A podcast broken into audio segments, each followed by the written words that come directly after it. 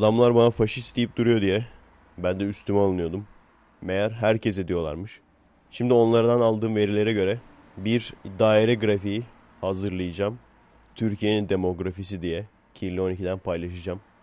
Evet aldığım verilere göre Türkiye'nin %40'ı dinci faşist, %20'si ulusalcı faşist, %15'i ülkücü faşist, %15'i militarist faşist, %10'u Türkiye halkı.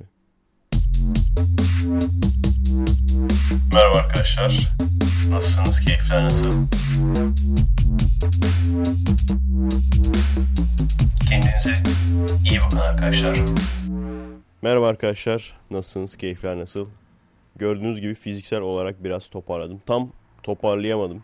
Çünkü günlerimi gündüz dışarıya çıkıp eşime oturma izni alabilmek için değişik yerlerden değişik belgeler toplamakla geçiyor. Geceleri de yeni gelen laptopumuza yazılımları teker teker yüklemekle geçiyor. Şu an hala da bu podcast'i editleyecek yazılımı yüklemiş değilim. Onları da bu gece halledeceğim büyük ihtimalle. Aslında erken yatmam lazım çünkü yarın erken kalkıp gene bir yere gideceğiz. Ama uykum yok, yatsam da uyuyamam. O yüzden en azından vaktimi öyle değerlendiririm. Bu geçen haftaki podcast'ten bugüne neler oldu? Dediğim gibi biraz fiziksel olarak düzeldim. Bunun farkındaydım aslında yani fiziksel olarak düzeldiğim zaman moralimin de düzeleceğinin farkındaydım. Ama önemli değil yine de o ruh haliyle bir podcast çekmek istedim. Çünkü zaten ülkenin de ruh hali çok iyi değildi o sıralar. Dediğim gibi çok fazla böyle gülmeli, eğlenmeli, esprili, şakalı podcast yapamazdık. Hiçbir şey yapmamak da istemedim. Çünkü biliyorum birçoğunuz yol dostu, style'a dinlemeyi seviyorsunuz. Ruh halim ne olursa olsun. Nelere karar verdim? Bilmiyorum hani şey yani beni takip ediyorsanız insanlar büyük ihtimalle aptal olmuştur. Bazen diyorlar abi gitsek mi kalsak mı karar veremedik. Şimdi biz gidelim diyorduk. Sen gittin diye seviniyorduk sen geri döndün falan. İyi ben bir daha gidersem ne olacak? Yani şöyle bir durum var arkadaşlar. Benim sıkıntımı anlatayım size. Hani hocanın dediğini yapın yaptığını yapmayın hesabı bu. Benim sıkıntım şuydu. Hatırlıyorsunuz ben ülkeden ayrılmadan önce yani Türkiye'den Amerika'ya gitmeden önce şöyle bir şey demiştim. Burada daha fazla gelişemeyeceğimi fark ettim. Çünkü bir kısır döngüdeydim. Ara ara bu kısır döngülere giriyorum. O zamanlar videoculuktan para kazanamıyordum. Böyle bir şansım yoktu. Ve çok aradığım gerçekten benim için önemli olan yani amatör DSLR filmciler için önemli olan bir sürü ekipmanı bulma şansım yoktu. Sonra Amerika'ya gittikten sonra hem para kazanmaya başladım. Yüzüm güldü. Hem de ekipmanları toplayabildim. Ancak orada da vakit olmuyor hiçbir şeye. Ekibim burada. Ekibim Türkiye'de. Ekip bulsam bile Türkiye'yi ilgilendiren şeyler çekemezsin. E benim seyirci kitlem Türk. Türkiye'yi ilgilendiren şeyler çekmek istiyorum yani ben. Bazen gerçekten Amerika ile ilgili şeyler de çekmek istiyor insan ama ağırlıklı olarak Türkiye'yi ilgilendiren fikirler var kafamda. Yani sonuç olarak orada nakit vardı, burada vakit var. Şimdi orada altyapıyı hazırladım, oradaki ekipmanları buraya getirdim. Burada da vaktimi kullanarak yaza kadar o yapacağım yapacağım deyip yapamadığım projeleri temizlemek istiyorum. Yazın ne olacak hiçbir fikrim yok. Yaza kadar hakkım var biliyorsunuz. Her şey olabilir. Yani şunu bile diyemiyorum. Durumum iyi olursa giderim veya durumum iyi olursa kalırım bile diyemiyorum. Çünkü belki durumum iyi olur maddi olarak. Derim ki abi bu projede bitti zaten. Şimdilik başka bir şey yapasım yok. Gideyim orada biraz çalışayım. Yazları gelirim. Yazları geldikçe çekim yaparım diyebilirim belki. Veya tam tersi durumum iyi. Burada kalayım diyebilirim. Çünkü aslında buranın da birçok avantajı var. İnsan gittiği zaman fark ediyor. Arkadaşlardan tut komşuluğa kadar. Şurada bir indiğin zaman mahallede her tarafta işte manav, market falan olması. Yani mahallenizden nefret ediyorsanız şanslısınız arkadaşlar. En azından özleyeceğiniz bir şey olmayacak. Sonuç itibariyle her halükarda her durumda benim yapmam gereken yaza kadar yapmak istemiş olduğum projelerin hepsini bitirmek. O projeler bittikten sonra vakit geldikten sonra ne olur bilemem. Belki de sadece geçici bir süre gider gelirim. Green Card yanmasın diye. Yani her şey olabilir arkadaşlar. Çok önemli değil. Benim için önemli olan kendimi bir üst seviyeye daha taşıyabilmek. Şu projeleri temizleyip şu anda artık ona kasacağım.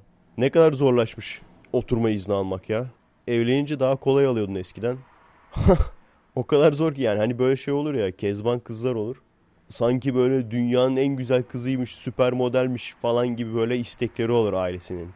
İşte bir kasa şunu getireceksin de bilmem ne ağırlığı kadar bunu getireceksin. İşte şöyle bilezik takacaksın. Bilmem ne düğünü şurada yapacaksın falan. Ben şeyi biliyorum ya. Düğüne en az şu kadar masraf yapacaksın. Onu biliyorum. Ne yapayım biraz arttı parayı yakalım mı ne yapalım yani. şey diyeceksin biraz arttı striptizciye gittim. ne yapayım? Sen dedin. Hani şey diyordum ya trollük olsun diye iş başvurusuna gideceksin diyordum ya. Trollük olsun diye kız almaya gideceksin abi.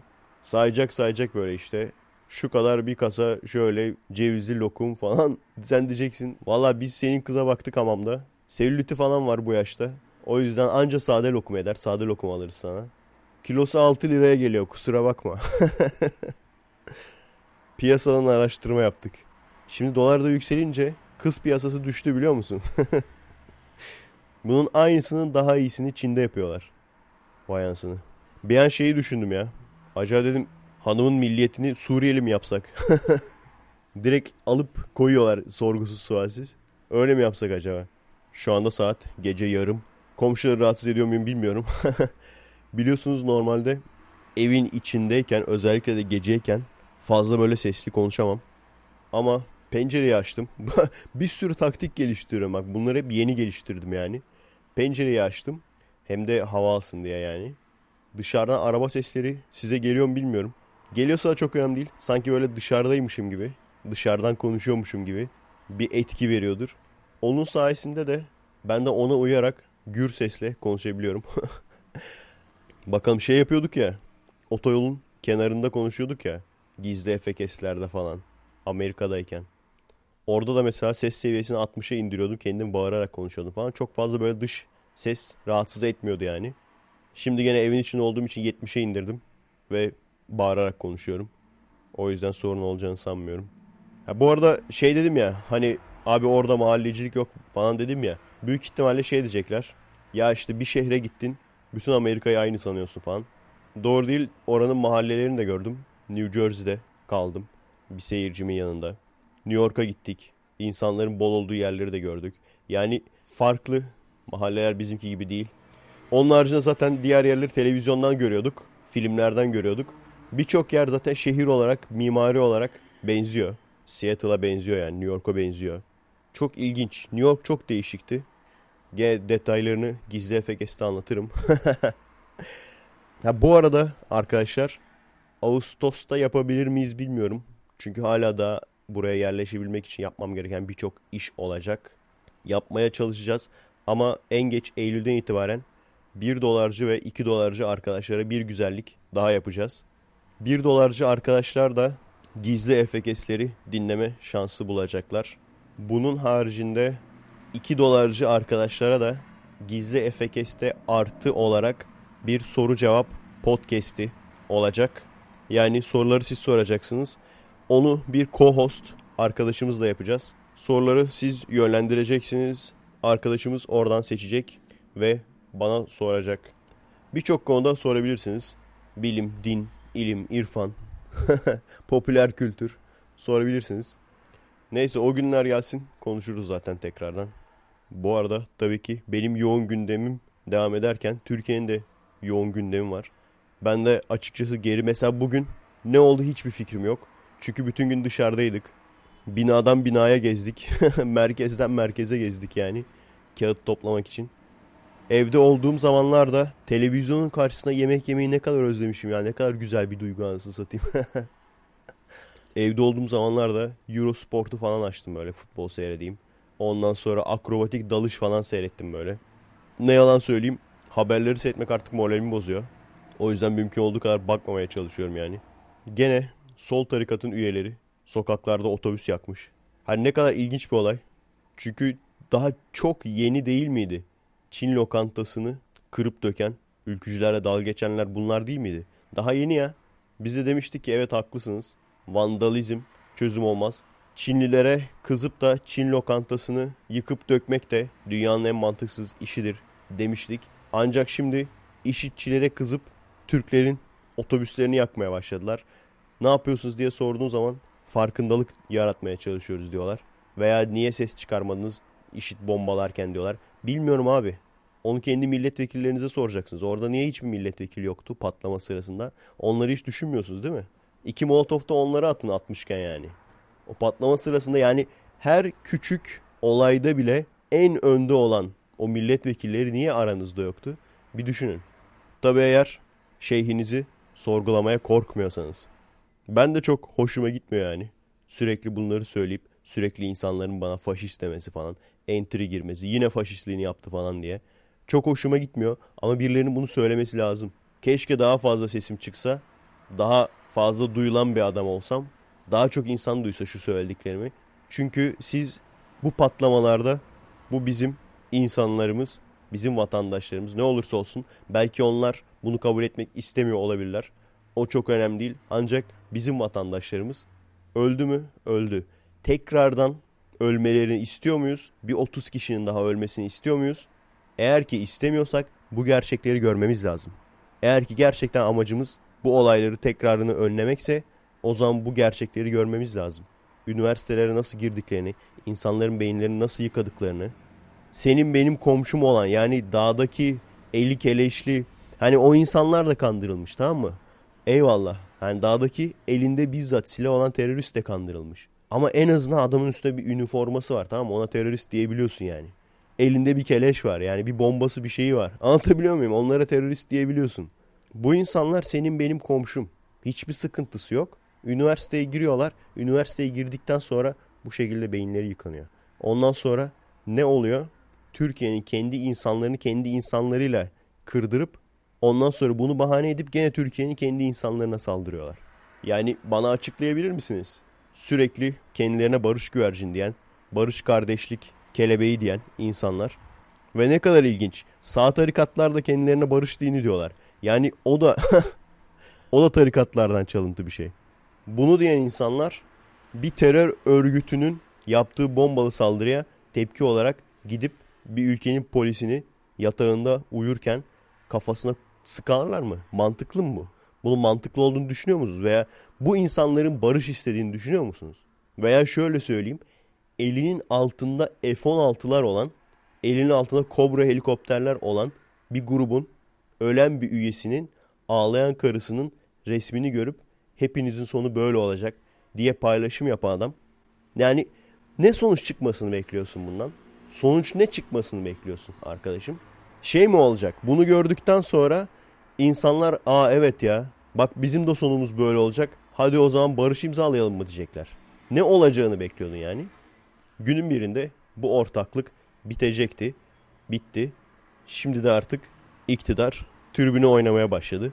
Bir anda bir sürü terör örgütü üyesi, farklı örgütlerden terör örgütü üyesi tutuklandı. Yerlerini bilip duruyorlarmış demek ki. İki gün içinde hepsinin yerini tespit mi ettiler yani? Bu arada şöyle bir bilgi aldım. Bazı şeyleri açıklamakta yardımcı olabilir. Cemaat tüm gücüyle HDP'yi desteklemiş. Yani evet AKP'nin kaybolan oyları HDP'ye gitmesi şaşırtıcı değil.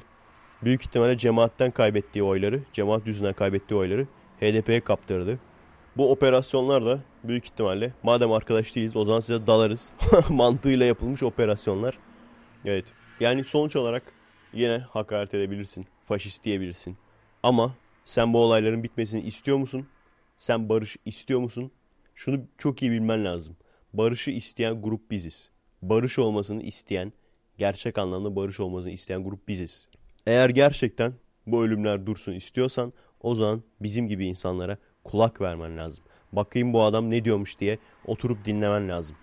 Senin tarikatını veya senin şeyhlerine laf ediyorum diye, senin sol tarikatan, senin sol tarikatının şeyhlerine laf ediyorum diye hemen parmak gösterip faşist, sağ tarikatlarda kafir der ya, bunlar da faşist diyor.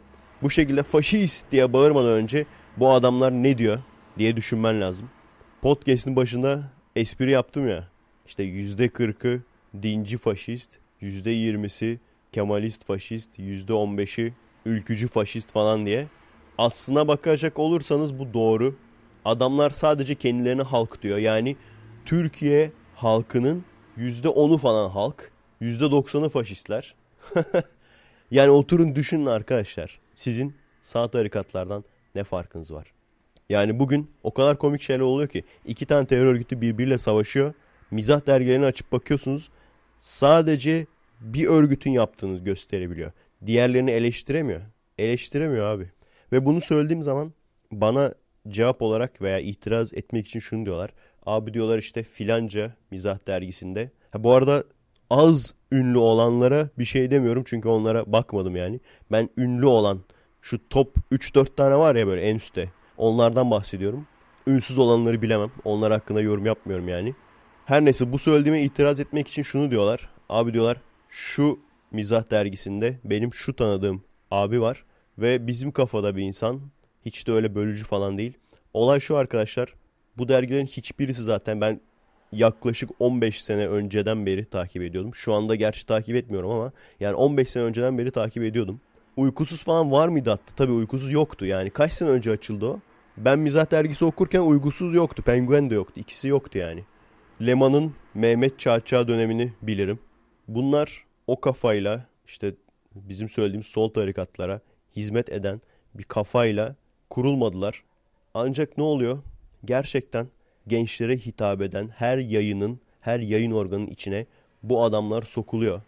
Ben mizah topluluklarında da bunun olduğunu görüyorum. Yani bir iki kişi giriyor. Girdikten sonra adamlar nasıl bir hırs varsa anasını satayım. Yükseliyorlar. Nüfus sahibi oluyorlar. Sonra öyle bir noktaya geliyorsun ki. Yani diyelim ki bir dergide 2-3 tane bu kafadan adam var. Diğerleri normal. O normal olanlar da eleştiremiyor yani. Artık neden bilmiyorum. Belki de onlara şey diyorlardır. Siz politik karikatür yapmayın. Politik karikatürleri biz yapacağız falan. Olabilir. Her şey olabilir yani. Ancak sonuç olarak sonuçta şu yani. Şu bir gerçek. Bu mizah dergileri bölücü grupları eleştiremiyor. Sol tarikatları eleştiremiyor. Ne yaparlarsa yapsınlar yani. Bu arada konu açılmışken şeyi seyrettim. Behzat. Ankara Yanıyor filmini seyrettim. Film seyretmeye nasıl vakit buluyorsun diyecek olursanız aslında bazıları tahmin etmiştir. Özellikle bilgisayarla çok uğraşan arkadaşlar tahmin etmiştir. Tabii ki de programları yüklerken, programlar inerken ve yüklenirken bir taraftan cep telefonum açık oluyor. Kulaklığım takılı oluyor. Telefondan seyrediyorum filmi. Böylece vaktimi değerlendirmiş oluyorum. Film kötü değil. Bu arada ben dizisini seyretmeyen bir insandım. Diziyi seyretmedim yani. Çok az sahnelerini biliyorum. Çok fazla geziye gönderme yapmışlar. Hani ekmeğini yeriz mi dediler artık ne oldu bilmiyorum. Ben şeyi düşünüyordum. Ekşiciler acayip beğenecek bu filmi falan. Çok ilginç. Ben mesela bir de şeyi düşünüyordum. Bu dizinin sevenleri herhalde daha çok sever falan diye. Daha iyi anlar olayı falan diye. Diziyi sevenler de hiç sevmemiş. Baya yerden yere vurmuşlar filmi. Çok ilginç yani.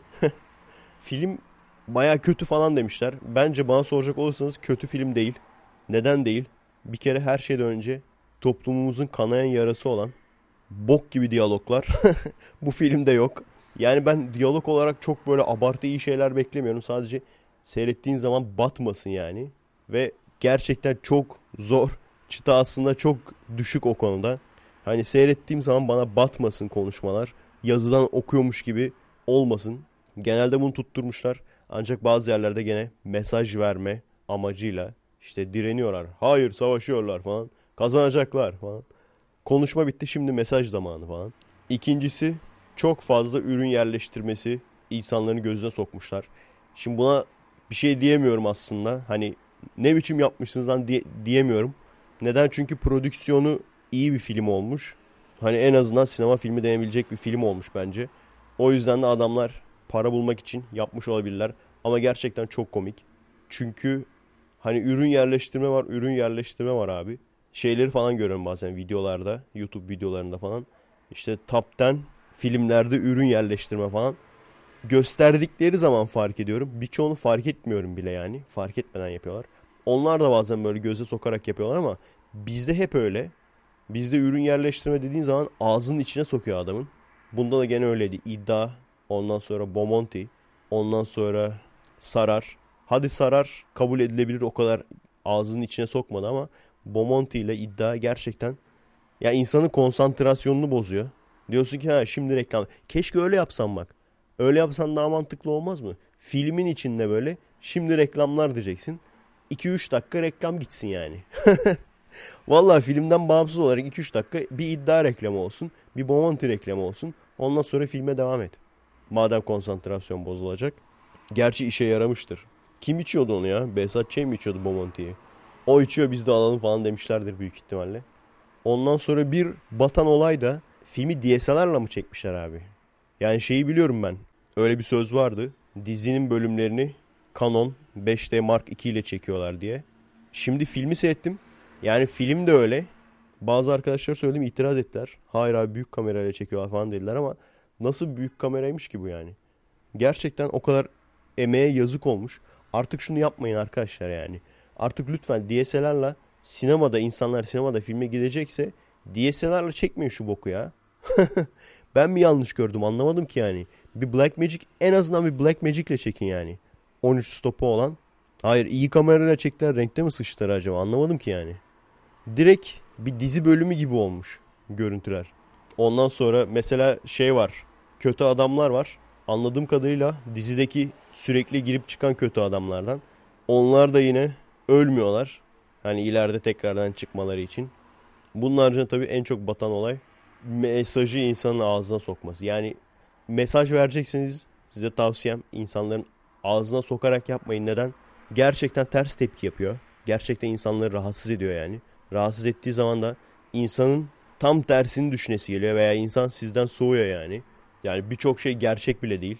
Hani ne bileyim sokaklarda olaylar yaşanıyor. İlk birkaç gün, ilk bir gün mü ne yandaş televizyonlar vermedi. Neden vermedi bilmiyorum. Şaşkınlıktan mı vermediler yoksa şey mi icazet almak için mi vermediler bilmiyorum.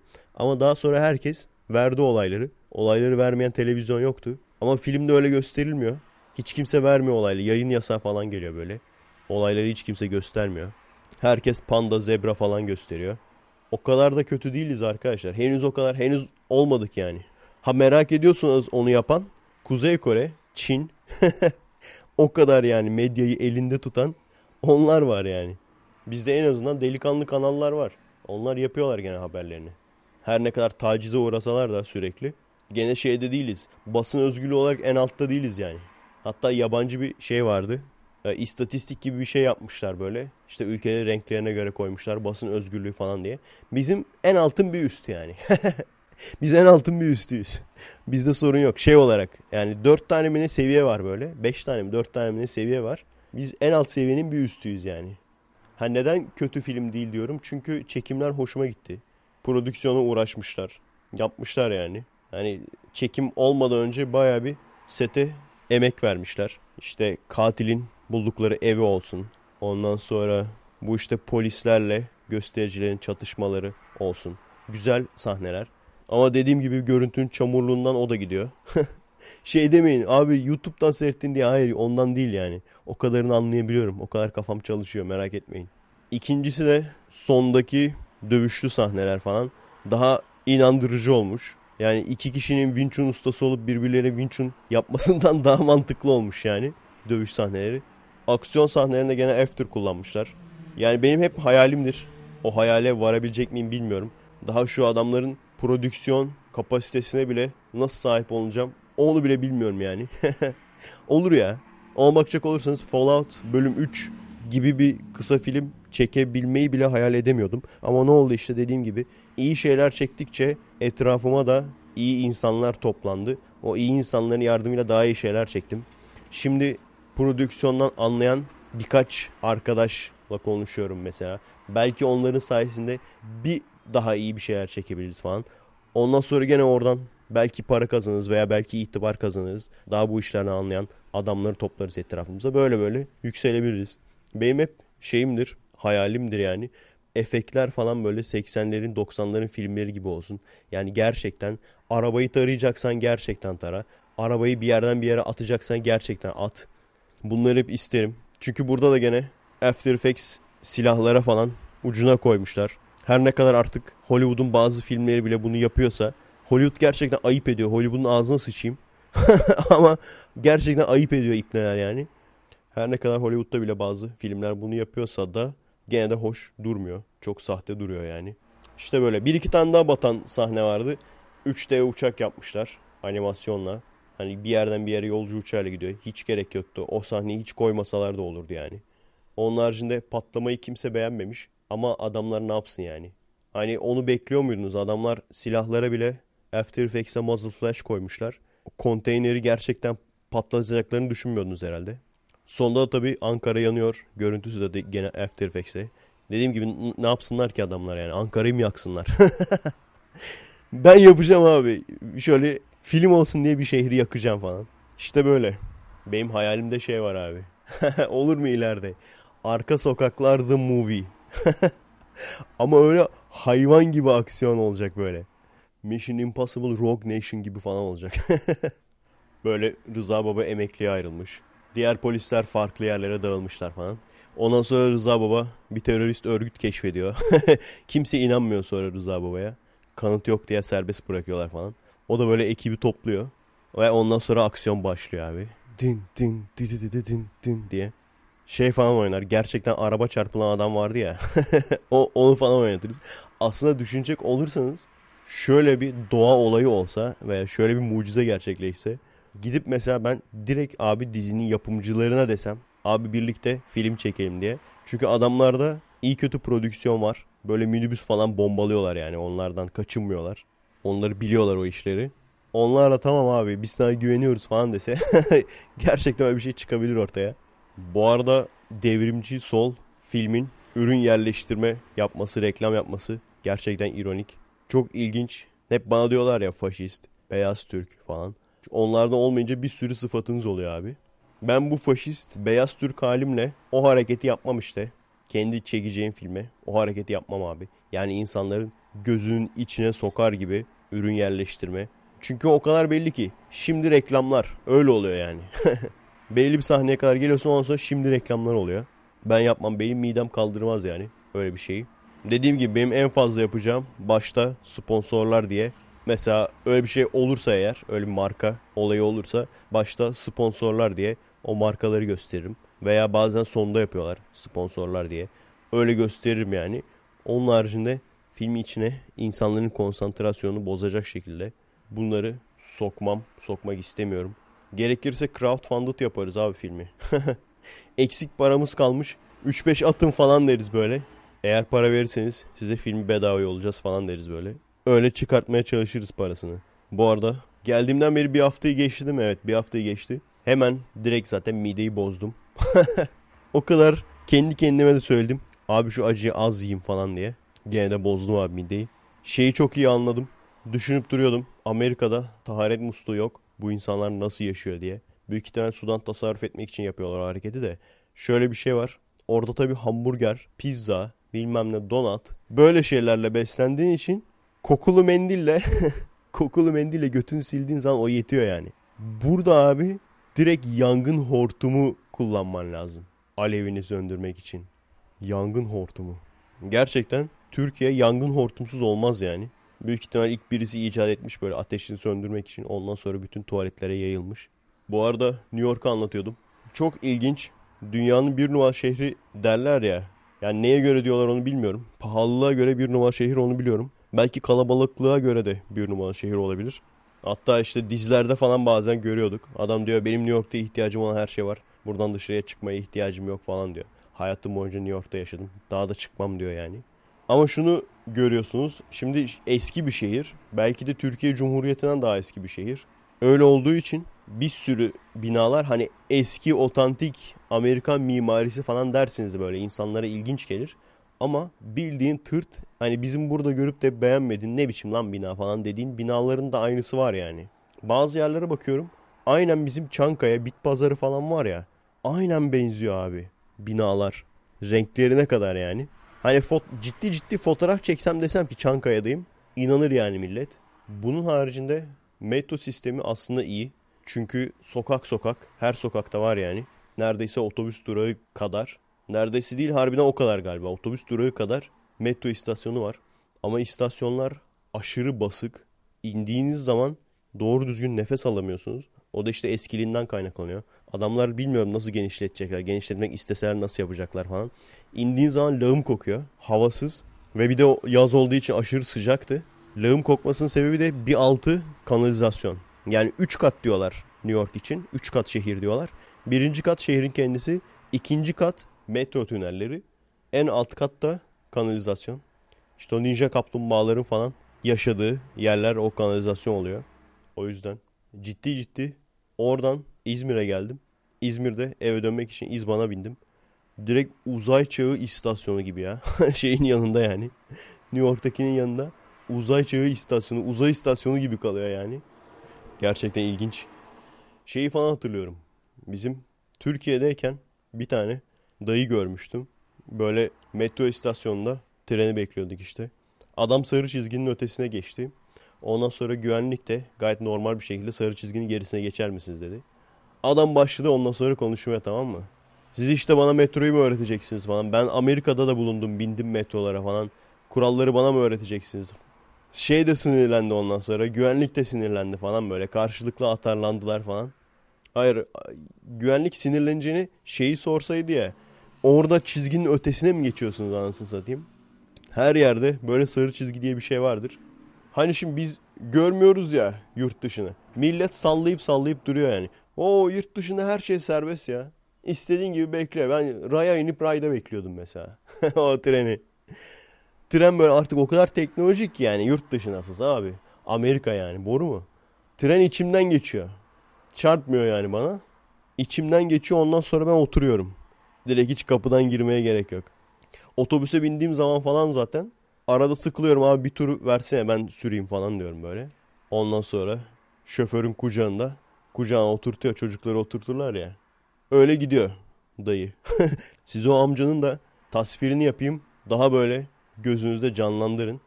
Ak saçlı, kafasının ortası kel. Bir de böyle entel top sakalı var. Öyle bir dayı düşünün. Zenci böyle şoförün kucağında. Ama zenci de böyle yeşil yol zencisi yani. Boru değil. Öyle birinin kucağında falan böyle. Direksiyonla oynuyor falan. Bir taraftan amortisör hoplatıyor bunları falan böyle. Öyle hoplaya hoplaya birlikte otobüs kullanıyorlar. İşte Amerika özgürlükler ülkesi dediğimiz böyle bir şey. Dayı Amerika'ya gitmişsin gelmişsin ama her şeyi bildiğini iddia etme ve atarlanma yeteneklerini kaybetmemişsin. Helal olsun. özgürlükler ülkesi. Hep öyle derler ya Amerika özgürlükler ülkesi. Çünkü şeyden dolayı işte istediğini söyleyebiliyorsun. Söylediğinden dolayı seni yargılayamıyorlar falan. Öyle denir. Hangi dereceye kadar doğru bilmiyorum. Adamların sabrını sınamadım. Bilmiyorum acaba CIA falan böyle dinliyor mudur?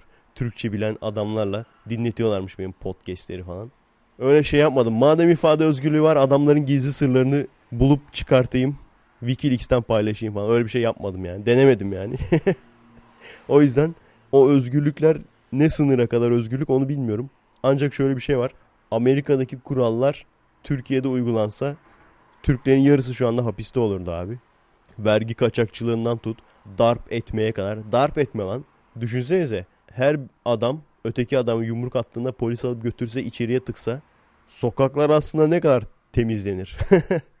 ya da her hırsızlık yapanı içeri atsalar salmak yerine sokaklar ne kadar boş boş olur lan. Ben de merak ediyordum bu sokaklar niye boş diye şeyde Seattle'dayken. Lan adamlar gözümün önünde biletsiz binen birini kelepçeledi lan. Özgürlükler ülkesi. Sen sarı çizginin gerisinde dur dediğin için adama atarlanıyorsun. Adam biletsiz otobüse bindi diye şerifler bindi abi şeye otobüse. Adamı kelepçelediler. 2-3 kişiyi kelepçeleyip dışarı çıkardılar. Ulan dedik adamlar aranıyor muydu acaba? Değil adamlar bildiğin kaykaycı. Arada sırada böyle şeyler şerifler biniyor. Herhalde o adamlar sürekli mi yapıyordu artık neydi bilmiyorum. Ama abi dünyanın en saçma uygulaması. Çünkü adamlar ısrar ediyor şey diyorlar. Bir otobüs hattında var bu Swift diye. O hatta durakta basıyorsun kartını. Kent kart gibi öyle kart var.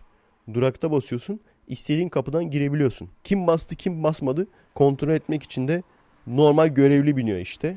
Görevli de elindeki makineyle seni kontrol ediyor. Eğer biletin yoksa veya kart basmadıysan işte bazen adını alıyor. Para cezası yazıyor falan. Bazen de böyle şerifler falan geliyor. Şey görmüştüm bir kere hatırlıyorsunuz değil mi? Onu anlatmıştım galiba. Walmart'ın önünde baya iyi giyimli bir kadın ya. İyi giyimli bir kadın abi. Ellerini arkadan kelepçelediler kadını yani. Hiç affetmiyorlar. Bir kere zaten her şeyden önce bizde öyle bir şey olsa yerden yere atar kadın kendini. Yanlış mıyım? Çocuklar da yani gençler de aynı şekilde kendini yerden yere atar. Burada gayet hani kelepçeliler falan diyorum ama o böyle Amerikan filmlerindeki yat yat yat yat falan konuşma hakkına sahip değil. Gayet sakin bir şekilde döndürdü kolunu. Taktı kelepçeyi. Eleman da fazla ses çıkartmadı. Aynen kelepçelediği bayan da öyleydi. Bizde olsa çığırırlar direkt. Hani belki bir yerden kamera falan gelir. İşte faşist polis küçücük bir şey çaldı diye bir kadını kelepçeleyip götürüyor. Nereye gidiyoruz falan. Yani dünyanın en saçma uygulaması değil mi? Abi yapsana diğer otobüsler gibi önden binmeyi. Adamlar diretiyorlar. Hayır diyorlar bu şekilde daha hızlı. Hayır abicim. Daha hızlı mı sence? Sürekli kavga çıkıyor. Durdurup adamları indirmek zorunda kalıyorsun. Daha mı hızlı sence yani? Şey demiştim ya pazarları otobüs yok. Böyle bir saçma uygulama yok demiştim. Onu şimdi akılları erdi artık pazarları da getirirler otobüs. Her ne kadar saat başı olsa da gene de öpüp başımıza koyduk. Belki ileride akılları erer. O otobüse de önden kent kart basıp binmeyi getirirler. Bu tür şeylerle uğraşmak zorunda kalmazlar. Harbiden Amerika'daki kanunları Türkiye'de uygulasan ülkenin yarısı hapisteydi. Gerçi biri de şey dedi. Türkiye'deki kanunları Türkiye'de uygulasan ülkenin yarısı hapisteydi dedi. o da doğru olabilir yani. Yani diyorum ya darp bizde suç değil mi? Darp'ın suçu bizde hapse girmek değil mi? Yani adam karısını tokatlasa dövse hapse girer mi? Ulan direkt şey yapmaya çalışıyorlar. Pişman mısın? Pişmanım abi. Kadın ölüm tehlikem var diyor koruma vermiyorlar. Ne yapacaksın yani? Evet. Yani sonuç olarak arkadaşlar ben bunu defalarca söyledim. Bir sürü aşamadan geçtim tabi biliyorsunuz. İşte gitmek istiyorum. Ondan sonra gittim başardım. Ondan sonra burayı beğenmedim. Ondan sonra burayı beğendim. Falan bir sürü böyle aşamadan geçtim. Sonuç olarak bir sene gittim kaldım. Bazı fikirlerim değişmedi. Dediğim gibi hocanın yaptığını yapmayın, dediğini yapın. Eğer ki maaşlı bir işte çalışan herhangi biriyseniz öğretmeninden tutun. Atıyorum mühendis. Herhangi biriyseniz gidin arkadaşlar. En kötü ihtimal şöyle gidin yani. Bir sene çalışmaya diye. Zaten bir sene çalışmaya diye gittikten sonra dönüp de burada çalışmak isteyeceğinizi sanmıyorum. Onun haricinde gitme şansı olmayan arkadaşlar da İzmir'e taşınabilir. İzmir'de iş bulabilir. İşte sorun da o. İzmir güzel şehir ama iş olanağı çok az. Öyle de sorun da var yani. Birçoğunuz çocuk sahibi olmak istiyor. Çocuğu iyi eğitilsin istiyor. Doğru düzgün şeyler öğretilsin istiyor. Beyin yıkanması yerine. Sizin bileceğiniz iş yani. Tabii orada çocuğunuz olduğu zaman direkt Amerikan vatandaşı olacak. Şey falan deme şansınız yok. Çok izole kalırsınız çünkü. İşte sen Amerikalı değilsin, sen Türksün falan. O çok zor yani. Çünkü o kültürle yetişecek. Direkt çocukluktan beri böyle şey falan yaptırıyor çocuklara. Temsil falan yaptırıyorlar. Görmüşsünüzdür filmlerde falan da. İşte Abraham Lincoln kılığına falan giriyor. İşte seneler önce bizim atalarımız bu topraklara geldiler ve buraya yerleştiler ve Amerika'yı kurdular falan diye. Gerçekten komik. Çünkü mesela babası göçme olan çocuk da bunu söylüyor. Seneler önce atalarımız buraya geldi falan diye. Zenci çocuklar falan söylüyor. Aslında şey diyecek. Seneler önce atalarımız köle gemilerinde zorla Amerika'ya getirilirken trollemek için öyle diyormuş çocuk böyle temsilde. Tabii ki gittiğiniz zaman ülkeyi özlüyorsunuz. Özlemedim diyen hiç kimse yok. Ama eğer kaçacak kadar kafayı yemiş durumdaysanız zaten merak etmeyin. Bir böyle yazın bir ay falan yeter. Bir iki ay falan kaldınız mı direkt geriye kaçmak istersiniz yani. Yani oraya gittiğinizde ülkeme döneceğim diye ağlarsınız. Buraya geldiğinizde de ne zaman geri döneceğim diye ağlarsınız. Ağlamak çok ilginç bir hareket. Gerçekten insanın yaptığı acayip davranışlardan bir tanesi. Benimle ilgili bir video seyretmiştim. Ağlamanın evrimi diye. Ağlamak neye yarar diye. Ağlamak ne işe yarıyor diye. Şey diyordu adam. İşte ağladığınız zaman hani zayıflık olarak gösteriyorsunuz karşınızdakine karşınızdakinin size sempati duymasını sağlıyorsunuz olarak düşünüyor bilim adamları dedi. Ancak bence benim kendi fikrim yani. Bence ağlama biraz daha değişik. Bebeklerde düşünecek olursanız bebekler henüz ne istediğini söyleyecek durumda değiller. Savunmasızlar. Herhangi bir şey de yapamıyorlar. O yüzden herhangi bir sorunları olduğu zaman ağlıyorlar. İşte acıktıkları zaman, ne bileyim kakalarını yaptıkları zaman, bir şeye ihtiyaçları olduğu zaman sonuçta Herhangi bir yerleri acıdığı zaman ağlıyorlar. Böylece konuşma fonksiyonları tam oturmamış olmasına rağmen bir en azından bir dert, bir sorun olduğunu anlayabiliyorsun ağlama sayesinde. Ondan sonra tabii çocuk bunu fark edince biraz da aklı ermeye başladıktan sonra bu sefer şımarıklığına ağlıyor. oyuncak istiyor, oyuncak olmayınca ağlıyor falan. O şımarıklık yani o evrimin şeyi, bozuk kısmı. Sonra büyük ihtimalle bu hareket tabii insanın karakterinden kopmuyor bir anda ve insanlar kötü durumda iken özellikle fiziksel olarak zayıf iken ve içinde bulundukları kötü durumda da yapabilecek bir şeyleri olmadığı zaman gene kendilerini bebek gibi savunması hissediyorlar ve o yüzden ağlıyorlar. Yani bana soracak olursanız büyüklerin ağlaması bebeklerin ağlamasından gelen hatalı bir davranış. Evet. Bakalım daha neler göreceğiz arkadaşlar. Çok acayip şeyler oluyor. Apo çıktı terörü lanetledi falan böyle. Nasıl bir yerde yaşıyoruz lan? Apo çıktı terörü lanetledi. Ya şimdi anladınız mı? Ülkücülerin vandalizminin sebebini, Çin lokantasını yıkmalarının sebebi aslında vandalizm değil. Bu faşizme karşı farkındalık yaratmak. Mesela onlar da şey diyecek. Bakın Doğu Türkistan'da bu kadar insanımıza zulüm yapılıyor. Bir Çin lokantasını yıkmışız çok mu yani? Çok garip işler. Her grup diğer grubun yaptığını lanetleyip aynısını kendisi yapıp ondan sonra kendi yaptığına da mantıklı bir bahane uydurmaya çalışıyor. Gerçekten bence Batı'na en büyük farkımız ne biliyor musun? Niye doğru düzgün bir yere gelemiyoruz? Abi birbirimizi çok yiyoruz. Neden böyle bilmiyorum. Kültür olarak mı, genetik olarak değildir herhalde. Birbirimizi yemeye çok müsaitiz. Ben mesela hiçbir zaman düşünmezdim cemaatle iktidarın aralarının açılacağını. Çünkü hayır ne kadar çıkar çatışması olsa da gene de birbirlerine girdikleri zaman ikisinin de kaybedeceği ortada. O yüzden birbirlerinin yüzüne güler devam ederlerdi. O yüzden şey diyordum ya mesela Apo çıkacak, ülke bölünecek diyordum ya. Daha önce de bunu söylemiştim. Bunları derken cemaatle iktidarın kavga edeceği hiç aklıma gelmemişti. Umarım yanılırım. Umarım o söylediklerim gerçekleşmez. Apo'nun çıkması ve ülkenin bölünmesi gerçekten çok ilginç. Yani hangi seviyede olursak olalım bu adamlar bu ülkeyi bu şekilde elde etmek için senelerce uğraştı. Senelerce sistematik bir şekilde uğraştılar ve gene de birbirlerine girdiler. Birbirlerini yeme pahasına, ülkeyi kaybetme pahasına birbirlerine girdiler. Çok ilginç. Bu adamlar bile birbirini yiyorsa yani düşünsenize her iş yerinde, her sınıfta, her okulda böyle çekişme vardır, gruplaşmalar vardır yani. Her mesela şehir takımları. Adana Spor'la Adana Demirspor. Göztepe ile Karşıyaka. Galatasaray ile Fenerbahçe. Aynı şehrin takımları. Aynı ülkeyi değiştim. Aynı şehrin takımları. En büyük düşmanlarıdır birbirlerinin.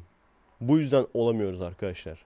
Birbirimizi yediğimiz için, birbirimize girdiğimiz için ne olacak ki? İş yerindeyken mesela Amerika'da çalışırken sevmediğim insanlar da vardı. Ama birbirimizin yüzüne gülüyorduk. Birbirimize öyle laf atma, işte gerginlik yaratma öyle bir durumumuz yoktu yani. Birbirimizi gördüğümüz zaman birbirimizin yüzüne gülüyorduk. Neden? Çok basit abi. Olay çok basit. Çünkü benim zihniyetim neydi? Büyük ihtimalle o insanların da zihniyeti oydu. Amaca bakıyorlar. Amaç ne orada? Maaş almak ve işini yürütmek. Amaç bu. O zaman o amacın çerçevesinde de sevmediğin insanların da yüzüne gülüyorsun ve karşındaki de aynı kafada olunca o da sana aynı şeyi yapınca ne oluyor? Birbirinizi sevmeseniz bile sıkıntı olmuyor. Çünkü mesela sen ne kadar bunu düşünürsen düşün, bu zihniyette olursa ol, diğer adam sürekli seninle uğraşıyorsa yani niye böyle bir şey yapıyorlar ki anlamıyorum. İş yerinde sen oraya maaş almaya gelmiyor musun? Sen oraya çalışıp para kazanmaya gelmiyor musun? Canın mı sıkılıyor abi? Çok canın sıkılıyor diye mi millete sarıyorsun? Birine takıyorsun falan böyle. Düşmanlık yapıyorsun ondan sonra. Kuyusunu kazıyorsun. Laf sokmaya çalışıyorsun falan. Ne oluyor abi laf sokunca yani? En ufak iş yerlerinde dahi millet birbirine giriyor. Sonra ne oluyor? İş yeri yükselemiyor işte. Avrupa ülkeleri abi veya Amerika ile diğer güçlü ülkeler diyelim. Birbirlerini seviyorlar mı? Sevmiyorlar. Avrupa ülkeleri de birbirini sevmiyor. Ama herifler birbirlerinin yüzüne gülüyor. Sizce şöyle bir şey imkanlı mı yakın zamanda? Veya herhangi bir zamanda diyeyim. Almanya ile mesela İngiltere'nin tekrardan savaşması. Fransa ile İngiltere'nin tekrardan savaşması. Böyle bir şey imkanlı mı artık? Adamlar maalesef aşmış yani. Biz hala aşamamışız onu. Her ne kadar birbirlerini çok sevmeseler de ortak bir amaç olduğu için birbirlerinin yüzlerini gülüyor. Çünkü biliyorlar abi birbirlerini yemeye kalksalar birbirlerini bitirecekler. Birinci Dünya Savaşı'nda öyleydi. Birbirlerini bitirdiler. Amerika aradan sıyrıldı ve dünya devi oldu. Ciddi ciddi, ciddi ciddi Birinci Dünya Savaşı olmasaydı ve dolayısıyla İkinci Dünya Savaşı da olmasaydı şu anda dünyanın bir numarası Amerika belki de demeyecektik. Belli mi olur yani? Çünkü diğer ülkeler birbirlerini yok etme noktasına geldi. Diğer devler yani İngilizler, Almanlar. Almanya dünya deviydi yani. Ruslar, Fransızlar birbirlerini yok etme noktasına geldiler. O esnada da Amerika hem çalışıyordu, endüstriyel olarak gelişiyordu hem de bunlara silah satıyordu. İngilizlere falan silah satıyordu. Son dönemde katıldı yani savaşa Amerika. Birinci Dünya Savaşı'nda. O da İngiltere kaybetmesin diye. Çünkü İngiltere kaybederse Amerika'ya baya bir borcu var. O borcu ödeyemeyecek durumda olacağı için yani. İşte olay bu. Adamlar evet belki birbirlerini yok etme noktasına geldiler. Ama çok iyi, çok da güzel bir ders aldılar. Çok iyi oldu, çok güzel iyi oldu tamam mı? Ve büyük ihtimal ben sanmıyorum yani birbirlerine bundan sonra gireceklerini, birbirleriyle savaşacaklarını hiç sanmıyorum. Bu arada şey çıktım ya Avengers Age of Ultron. o Ultron dedikleri şey mi? Hiç bilmem daha fragmanı bile seyretmedim yani. Iron Man'in kötüsü galiba değil mi? Daha böyle güçlüsü. Genelde şey olur aslında. Uzaydan falan böyle kötü yaratıklar gelir. Avengers onlara karşı falan savaşır. Normal Avengers Assemble'da başka gezegenden geliyorlar ya. Loki falan. Küfür gibi ya. Tabi işte bilim kurgu seyreder gibi seyretmemek lazım. Adamlar bilim kurgu olsun diye yapmamışlar ama gerçekten komik geliyor yani. Uzaylıların, uzaydan gelen insanların insanlara bu kadar tip olarak benzemesi. Gerçi ben çizgi roman hayran değilim, manyağı değilim. Kesin çizgi romanında falan açıklıyorlardır yani. İşte insanı da biz yarattık falan. Genelde öyle olur. Uzaylılar insan benzediği zaman onu derler. Sizi de biz yarattık ki falan. Sonra oradan sakallı bir dünyalı çıkar. Peki sizi kim yarattı der. Ve uzaylı paramparça olur. Bana en çok sorulan sorulardan bir tanesi o zaten. Abi işte UFO'lar geldi diyorlar inanıyor musun? Uzaylılar geldi diyorlar inanıyor musun? İnanmıyorum arkadaşlar. Her gün geçtikçe de bilimle ilgili daha fazla bilgi sahibi oldukça da daha fazla inanmıyorum. Ne de olduğunu söyleyeyim. Bir kere her şeyden önce hala daha tek kanıt görgü tanıkları. Görgü tanıklarının söylediklerine inanacak olursak nelere inanmamız lazım? Bir, bütün dinlere inanmamız lazım. Yani biliyorsunuz bütün dinler öteki dinlerin gerçek olmadığını söyler. Ancak dediğim gibi görgü tanıklarına abi Yahova Şahidi diye grup var. Yahova Şahidi diye grup var. Bu kadar yalan bir grup olabilir mi yani? Bir, bütün dinlere inanmamız lazım. İki, cinlere inanmamız lazım. Üç, tabi uzaylılara ve uzaylıların insanları kaçırdığına inanmamız lazım. Dört, Karabasan'a inanmamız lazım. Beş, koca ayak Bigfoot buna inanmamız lazım. 6 hayaletlere inanmamız lazım. 7 telekinesise inanmamız lazım. 8 fallara inanmamız lazım. Astrolojiye inanmamız lazım. Liste devam eder. O yüzden görgü tanıklığı maalesef hiçbir şey yani. 5 para eden bir kanıt değil. Görgü tanıklığı hiçbir şekilde kanıt değildir, olamaz. Ama bunun haricinde daha mantıksız gelen olay şu. Bunları parça parça söylemiştim. Burada bir toparlayayım. Birincisi UFO'ların ışık saçması. Abi yıldızdan yıldıza seyahat edebilecek teknolojiye sahip olan bir araç far mı yakar? Far mı yakar? Bir. iki farı kime yakıyor? Hiç Niye, neden far yakıyor yani? Abi uzunları yakayım da helikoptere uçağa falan çarpmayalım. Ve onu yapacak teknolojiye sahip bir uçan dairenin gece görüşünün olmamasına imkan var mı? Ulan adamların kendinde gece görüşü vardır bence. Adamlar kendinden gece görüşlüdür. İnfrared görüyordur. Yani infraredi bizim kendi gözümüzde görmememizin sebebi o gözümüzün acizliği yani. Biz algılayamıyoruz onu o yüzden göremiyoruz. Yoksa zifiri karanlıkta bile ısı veren insanları görebilmemiz lazımdı. Ve böyle canlılar olabilir mi? Yani dünyada var mı bilmiyorum. Sonar sistemiyle hareket eden yarasalar var. Zifiri karanlıkta önlerini görebiliyorlar. Ama kızıl ötesi gören canlı bildiğim kadarıyla yok ama olmayacak diye bir kural da yok. İkincisi de özellikle bilim kurgu filmlerinde bile uzaylıların insana ne kadar çok benzediği.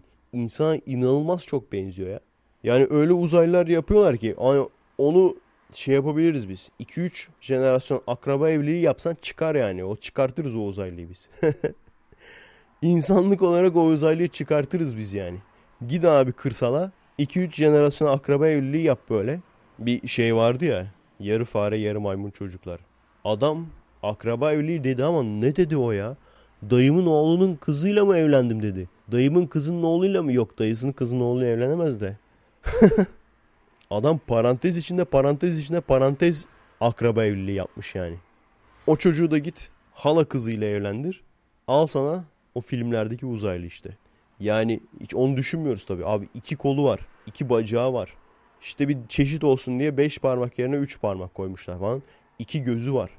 Aynen insan gibi yani böyle iki ayağının üstünde gidiyor falan. Ve düşünecek olursanız uzaydan gelmiş bir yaratık ne demek? Hani biz şeyi düşünüyoruz ya. İşte dünyada tek hücreli organizmalardan çok hücreliye geçiş oldu. Tabii o tek hücreli nereden geldi belli değil. Ama kasıtlı olarak bırakılmış olsa da fark etmez. Yani abi bak aynı DNA olsun tamam mı? Diyelim ki uzaylılar yapmışlar. Koymuşlar dünyaya. Bakalım demişler nasıl bir canlılık olacak. Aynı tek hücreli canlıyı başka bir gezegene koymuş olsunlar. Gene de birbirine o kadar benzemesine imkan yok. Milyar yıl sonra öyle bir evrimleşme olacak ki oranın akıllı canlısıyla bizim akıllı canlımız birbirine boyut olarak, şekil olarak bu kadar yakın olacak. Bir kere şeyi düşünün her şeyden önce. Dinozorların neslinin tükenmesini düşünün. Göktaşı diyorlar. Şu anda en büyük iddia göktaşı oldu. Başka bir şey de olabilir. Ancak neslin tükendiği bir gerçek. Eğer neslin tükenme olayı olmasaydı şu anda dünyalı diye dinozor diyecektik. Yani dünyalı demek dinozor demek olacaktı. Aynı gezegende bile insan ve dinozorun arasındaki bu kadar fark varken birbirinden tamamen farklı gezegenlerde evrimleşmiş ve farklı zamanlarda. O adamların belki 10 milyar yılı vardı evrimleşmek için. Oradan gelen bir uzaylının insan bu kadar benzemesi. Gerçekten imkansız gibi bir şey. Hani bilim kurgu filminde bile saçma. Öyle bir şey yapacaksan bazı bilim kurgu filmleri yapıyor onu. Şey diyorlar işte. Uzaylılar zaten sizi de uzaylılar yarattı falan diyorlar. Hadi ona eyvallah diyebilirsin. Adam kendi şeklinde yaratmıştır. Ama o da mantıklı değil. Çünkü insanların da daha basit canlılardan evrimleştiğinin de kendi vücutlarının üzerinde kanıtı var yani. Birbirlerine eski insanlarla birbirlerine bağlı oldukları belli. Bu haftaki büyük ihtimal son konumuzda şu birkaç gün önce olan ceviz kabuğundaki din tartışması birkaç haftadır dinle ilgili tartışıyor. Bence abi Hulki abi o da bazı cevaplar arıyor herhalde. Onun da kafası karıştı. O da merak ediyor. O da o yüzden herkes konuşsun diye insanları çıkartıp konuşturuyor. Tarafsız bir şekilde. Taraf tutmaması iyi bir şey yani. Bir taraftan öyle. Bir taraftan da seyreden ateistler saçını başını yoluyor. Bana yolladılar. Sinirlerim bozulmasın diye seyretmedim. Ama seyredeceğim. Zorunluluk yani. Zorunluluktan seyredeceğim. Gerçekten anlamış değilim. Neden bütün televizyona çıkan, ateist sıfatıyla çıkan insanlar böyle oluyorlar? Yani işte ben görmediğim şeye inanmam. Veya Allah varsa Allah'ı kim yarattı? Veya işte Tanrı varsa niye dünyada kötülükler oluyor? Veya Tanrı kaldıramayacağı bir taş yaratabilir mi?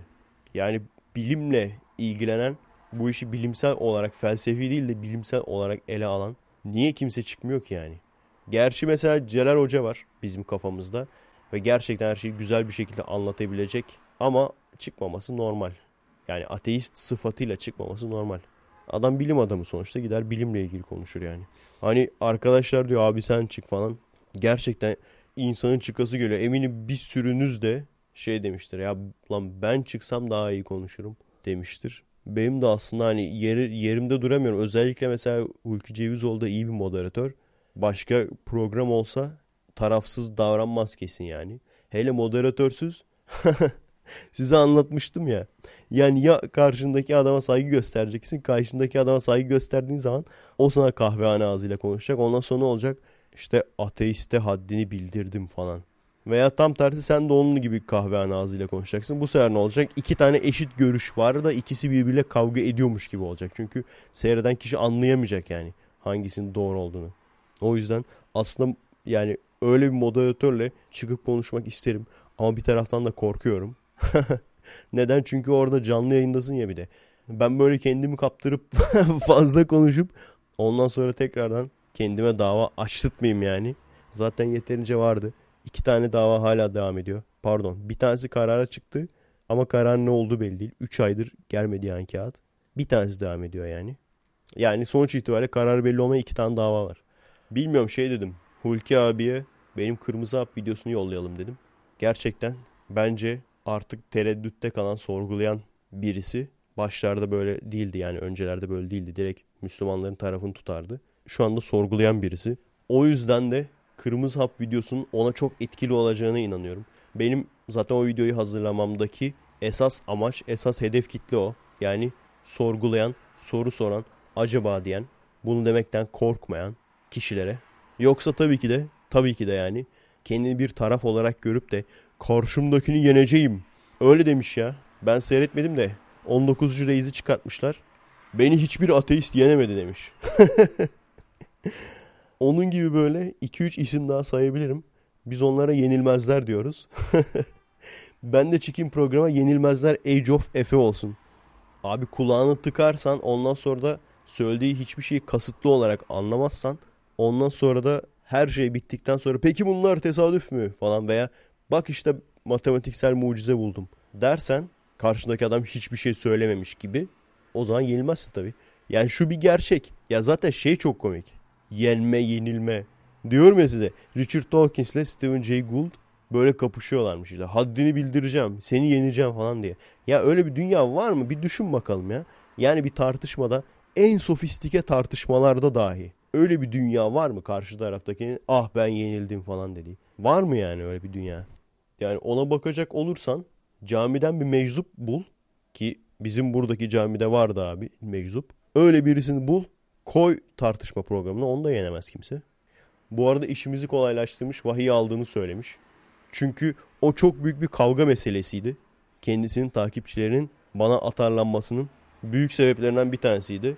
İşte hocamızın sözünü çarpıtıyorlar falan. Al sana sözünü çarpıtıyor şimdi.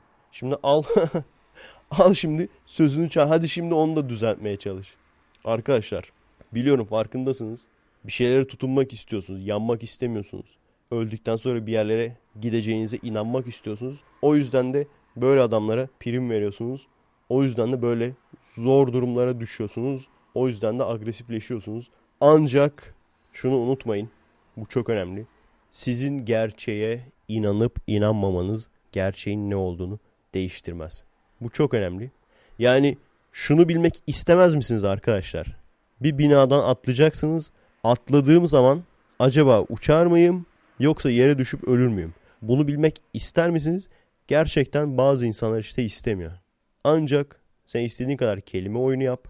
istediğin kadar ama yer çekiminin şu sıkıntıları var de gerçek değişmez. Sen o binadan atladığın zaman yere çakılıp öleceğin gerçeği değişmez. İstediğin kadar sen başka bir şeye inan veya gerçeği kabul etmek isteme. Aynı şekilde dünyanın yuvarlak olduğuna inanmayanların çoğunlukta olduğu, inananlara hatta baskı yaptığı zamanlarda isterse tüm insanlık nüfusunun %99'u dünyanın düz olduğuna inansın. Yine de buna rağmen sen bir doğrultuda diklemesine gittiğin zaman aynı noktaya tekrardan varıyor musun? Varıyorsun. Bu gerçek değişiyor mu? Sen buna inanmıyorsun diye değişmiyor. Belki şey diyorlar ona da. Hayır Pac-Man gibi öteki taraftan çıktık. evet. Ben yolladım Twitter üzerinden Kırmızı Hap videosunu Hulki abiye. Sizler de bilmiyorum mail adresini biliyor musunuz? Nasıl ulaşılır biliyor musunuz? Biliyorsanız siz de yollayın Kırmızı Hap videosunu. Hem kendisi aydınlansın hem de belki beni çağırır. En azından bizi temsil eden birisi de oraya çıkmış olur. Gerçekten hevesli miyim? Gerçekten hevesli değilim. Çünkü harbiden oraya gidip fazla konuşup başımı belaya sokmaktan da korkuyorum yani. Zaten korkmasam bütün gücümle bir şekilde bulurum, ulaşırım kendisine. Yani abi beni de çıkar falan diye söylerim. Gerçekten ona da korkuyorum yani. Hani çok fazla konuşup tekrardan başım derde sokacağımı. Ama bir taraftan da kendisiyle tanışmak isterim. O yüzden çağırırsa giderim abi. Çağırmazsa da çok fazla da şansımı zorlamayacağım. Ondan sonra pişman olmayayım yani. Evet. Büyük ihtimalle bir saati geçtik arkadaşlar. Bu haftaki konularımız bu kadar. Adresimiz youtube.com bölü kommek, twitter.com bölü kommek. Destek olmak isteyen arkadaşlar için patreon.com bölü Efe Aydal. Gerçekten üyelikleriniz ve fedakarlığınız için teşekkürler arkadaşlar. Buna layık olmaya çalışacağım. İlk fırsatta videolar gelmeye başlayacak. Şu anda üye sayım sabit. Çok aşırı artmıyor. Bu da normal bir şey çünkü podcast harici başka bir şey çıkartmıyorum. Üye olanlar da genelde podcast'i sevdiği için üye oluyorlar. Ama dediğim gibi videolar zaten gelmeye başladıktan sonra üye sayım da artar diye umuyorum. Tabii ki sizin yapmanız gereken paylaşmak bu videolar geldikten sonra. Podcast'leri de isterseniz paylaşabilirsiniz. İşte bu kadar. Kendinize iyi bakın arkadaşlar. Tanrı'nın kaldıramayacağı taşa emanet olun. Merhaba arkadaşlar. Nasılsınız? Keyifler nasıl? King Music.